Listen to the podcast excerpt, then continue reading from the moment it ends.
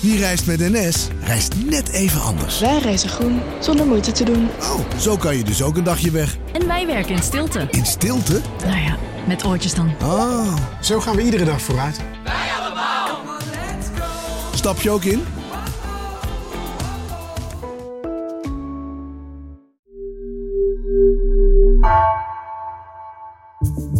Vanaf de redactie van NRC het verhaal van vandaag.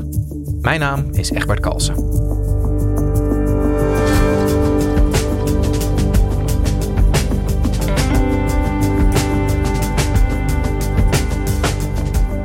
Vandaag eindigt de grote internationale top over biodiversiteit in Montreal. Doel is onder meer om kwetsbare ecosystemen te beschermen. Maar hoe doe je dat?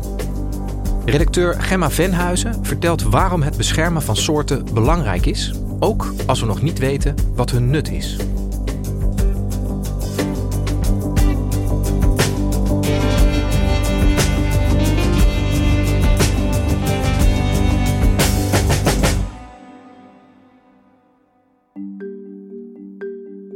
De afgelopen anderhalve week waren wetenschappers en politici van over de hele wereld in een groot congrescentrum in Montreal samen aan het brainstormen, aan het discussiëren om tot een akkoord te komen op het gebied van natuur en biodiversiteit en ecosystemen en hoe ze die de komende jaren beter kunnen gaan beschermen. Die top die wordt eh, elke paar jaar gehouden. Dit was top nummer 15. En je kunt het vergelijken met de klimaattop eigenlijk. Hè? Iedereen die kent wel Parijs, Glasgow. Maar tot nu toe trok biodiversiteit toch altijd wat minder aandacht. En deze top in Montreal die werd geopend door de Canadese premier Justin Trudeau. Nature is a part of who we are. And we're here today at COP15 to make sure it remains part of who we will be for generations to come. Maar zijn openingsspeech werd onderbroken door protesten. The Arctic in the north, vast and filled with unexpected life. Wat je hoorde waren inheemse Canadezen die protesteerden tegen de manier waarop zij vinden dat de Canadese regering hun land uitbuit. Van eh, leuk dat jullie zo'n top aan het organiseren zijn, maar je maakt goede sier met ons land eh, zonder eigenlijk naar oplossingen te kijken van hoe het land ook voor ons leefbaarder wordt. En dat is, daar komen we zo nog wel op, heeft heel erg te maken met het feit dat je op verschillende manieren naar biodiversiteit kunt kijken. En die botsen soms nogal met elkaar. Ja, Gemma, voordat we daar wat verder induiken, um, kan jij voor, voor mij en voor de luisteraars eens wat concreter proberen te maken waar ik aan moet denken als we het over biodiversiteit hebben? Ja, het, het eerste woord wat vaak wordt genoemd, dat is soortenrijkdom. Zo van hè, dat je kunt zeggen, hoe meer soorten, hoe biodiverser een gebied is. En dan gaat het niet alleen over diersoorten, maar ook over plantensoorten of paddenstoelensoorten. Dus alle, alle levende organismen in een gebied. Maar um, eigenlijk ligt het nog wat wat breder dan dat, het begrip. Het gaat bijvoorbeeld ook om uh, diversiteit binnen soorten. En dan kun je eraan denken dat als je een hele kleine populatie, dus een gering aantal individuen binnen een soort hebt. En die kunnen geen kant op, bijvoorbeeld omdat hun leefgebied door allemaal snelwegen is ingebakend.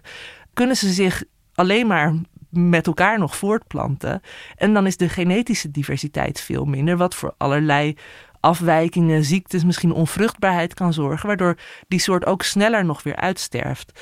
En dan kan het zo zijn dat als één soort bijvoorbeeld, als het daarmee slecht gaat, dat het als een soort domino-effect uh, gevolgen heeft voor andere soorten. En dat uiteindelijk het hele ecosysteem instort. Dus bij biodiversiteit moet je naar die verschillen tussen soorten, verschillen binnen soorten en ook naar de hele leefgemeenschap kijken.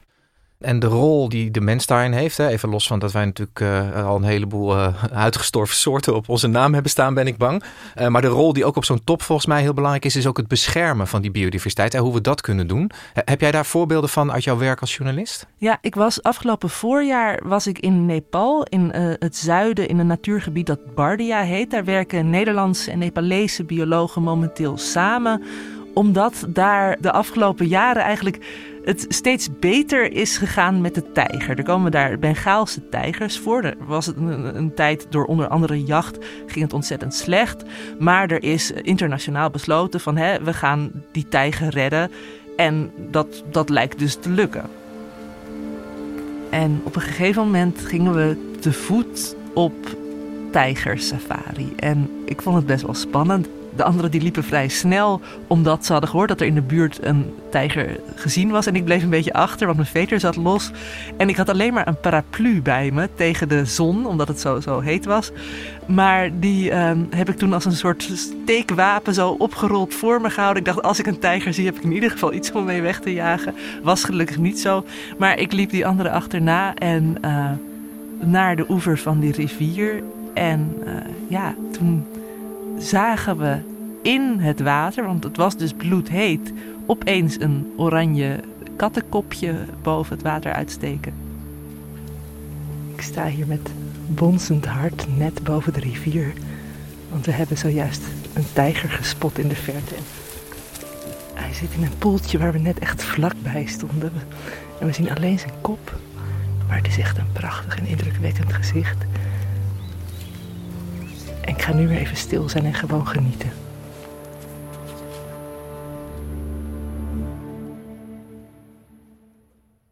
Het ging heel lang heel slecht met de tijgers in Nepal en ook in andere landen.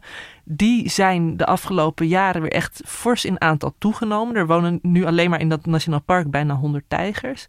Maar de pech is dat niet het hele ecosysteem uh, even goed herstelt. En dat er nu uit balans dreigt te raken. En wat ik net al zei, van alles eh, heeft met elkaar te maken. En hier is het bijvoorbeeld zo dat. Um, doordat er in de, de rivier die eigenlijk aan het Nationaal Park grenst, ingrepen zijn gedaan. Er zijn uh, dammen aangelegd, uh, er is uh, irrigatie, water voor irrigatie gebruikt. Zijn bepaalde stukken van het Nationaal Park niet meer zo vaak onder water komen te staan. Die rivier die is minder vaak overstroomd. Daardoor heeft de vegetatie kans gehad om heel hoog te, te worden. Maar het gras is nu zo hoog dat de herten er niet meer goed van kunnen eten. Dus het gaat slecht met de hertenpopulatie. Terwijl de tijgeraantallen toenemen. En wat eten tijgers? Die willen die herten opeten. Maar die hebben te weinig voedsel.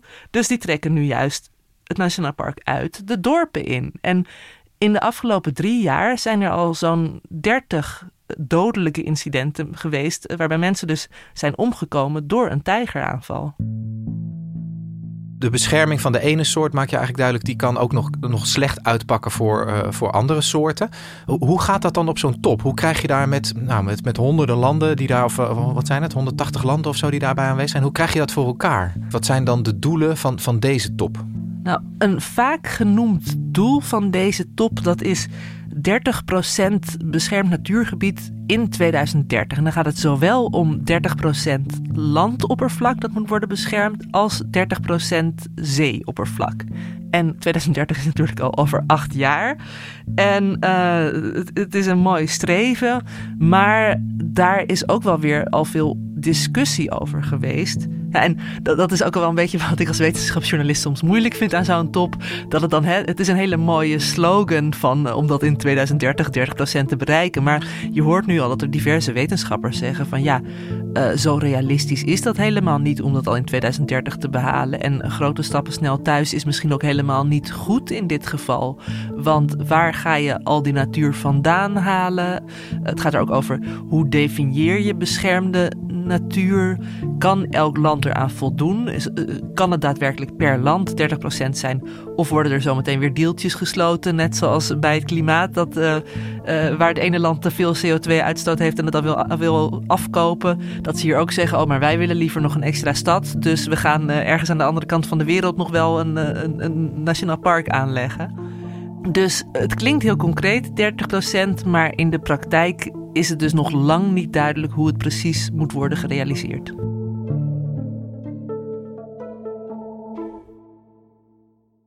En, en als we nou naar Nederland kijken, hè, zitten, zitten wij dan een beetje op de goede weg? Zijn we in de buurt van die 30% land en 30% zee? Ja, ook daarmee is het weer een beetje een kwestie van hoe reken je. Uh, wetenschappers van de Wageningen Universiteit hebben berekend dat um, de wettelijk beschermde Natura 2000 gebieden in Nederland, die beslaan 15% van het landoppervlak, maar daar worden ook de binnenwateren zoals het IJsselmeer bij uh, meegerekend.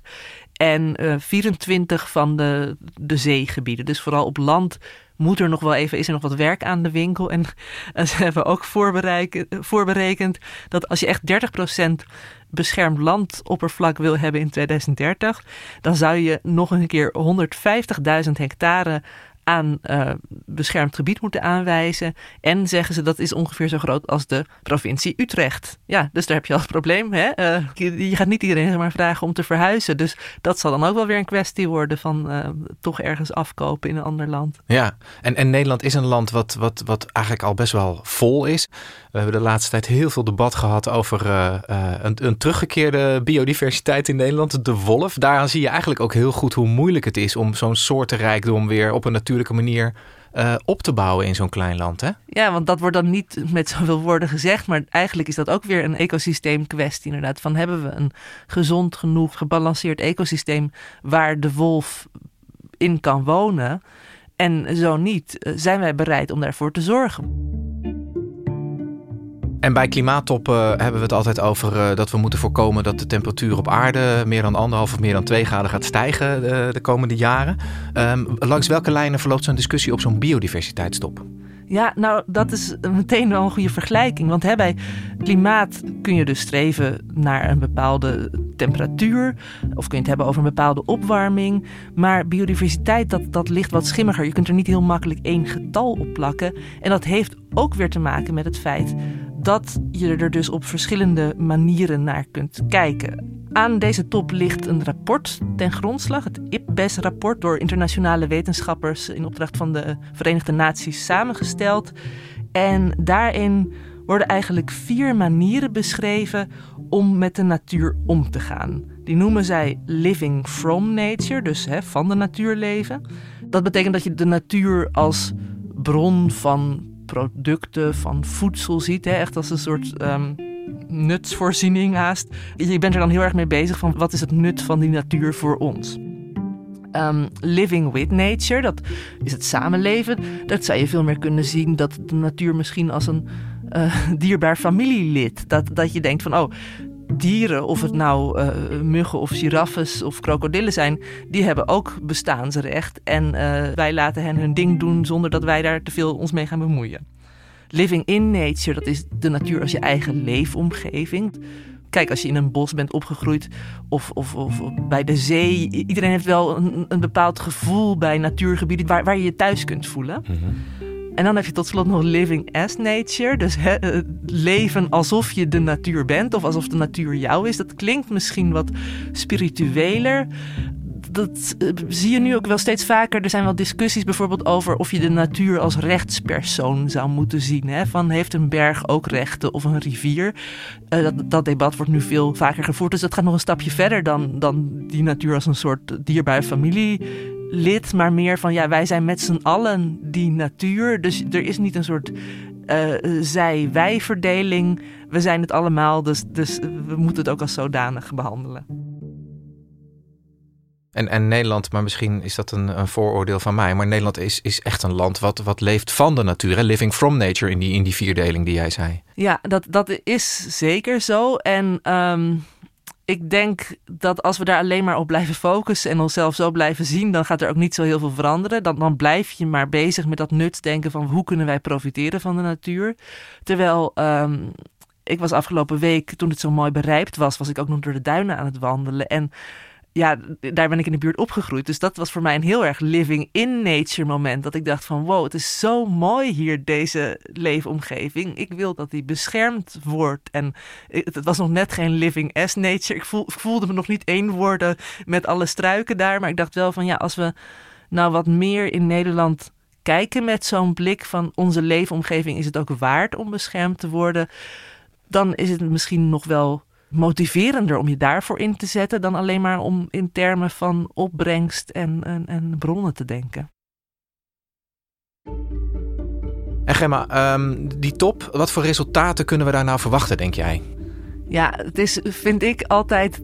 Dat, dat vind ik dus ook het frustrerende wel van zo'n top. Dat uh, je hoopt dat er hele concrete akkoorden uitkomen. Dat iedereen het met elkaar eens is. Maar ja, gebaseerd op wat er nu bereikt is tot nu toe, is het vooral. Weet je, de pijnpunten zijn weer even onderstreept. Maar een, een succes. Je zou eigenlijk het houden van zo'n top in die zin al als een succes kunnen noemen. Van er wordt zoveel meer nu over biodiversiteit gepraat, uh, over biodiversiteit geschreven dan een paar decennia geleden. En um, daarmee zijn we wel op de goede weg, denk ik. Is het wat dat betreft een, een, een optimistischer verhaal, zou je kunnen zeggen, dan het klimaatdebat? Uh, ja, dat is een hele goede vraag. Um, misschien is het ook wel omdat het een beetje een diffuus onderwerp is, zijn er denk ik wel sneller deelgebieden waar je misschien um, succes mee kunt, kunt scoren. Hè? Dat je bijvoorbeeld bepaalde soortgroepen zegt van dat je zegt, oh die zit alweer in de lift. Maar tegelijkertijd is het dus ook ongrijpbaarder in zekere zin. Een veelgehoorde vraag die ik krijg als biologieredacteur is altijd van ja, maar wat is het nut dan van de mug of van de kakkerlak? Weet je, het gaat altijd meer van waarom is biodiversiteit dan zo belangrijk? Is het nodig voor het voortbestaan van de mens? En ja, dan kun je natuurlijk aan de ene kant weer zeggen: ja, we hebben bijvoorbeeld uh, bijen nodig om bloemen te bestuiven, omdat er anders allerlei voedsel niet meer is. Maar ik denk dat het veel belangrijker ook hier weer is om enerzijds te zeggen van ja, waarom zou het allemaal nut moeten hebben? En anderzijds ook om te zeggen, we weten nog niet welke soort welk nut heeft. De, ik, ik, sprak een paar jaar geleden sprak ik de conservatiebioloog Stuart Pim, die heel erg bezig is met biodiversiteitsverlies. En uh, hij vergeleek het met een horloge met allemaal kleine schroefjes en tandwieltjes. En als je dat openmaakt en er valt een tandwieltje op de grond en je kunt het niet meer terugvinden, dan denk je van, ach, wat maakt het nou uit in zo'n klein mini-onderdeeltje. Maar als je dan probeert om het horloge weer in elkaar te zetten, dan merk je dat hij het niet meer doet. En dat is ook met de natuur. Wij kunnen nu wel zeggen van, oh, van soort X of soort Y is het helemaal niet zo erg als die uitsterft. Maar dat weten we niet, want we weten niet wat voor domino-effect er ontstaat. We weten niet uh, hoe de natuur in de toekomst eruit gaat zien. Dus ik zou willen zeggen, we moeten er met z'n allen naar streven om de natuur, om de wereld zo biodivers mogelijk te houden. Ook al weten we nog niet precies wat het nut van ja, alles is. En of het nut heeft. Ja. Maar dan kunnen we er gewoon van genieten. Dankjewel, Gemma. Graag gedaan.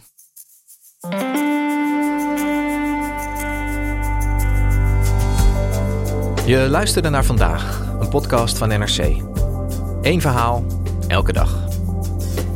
Deze aflevering werd gemaakt door Tessa Kolen en Marco Raaphorst. Coördinatie Henk Ruigrok van der Werven. Dit was vandaag. Morgen weer.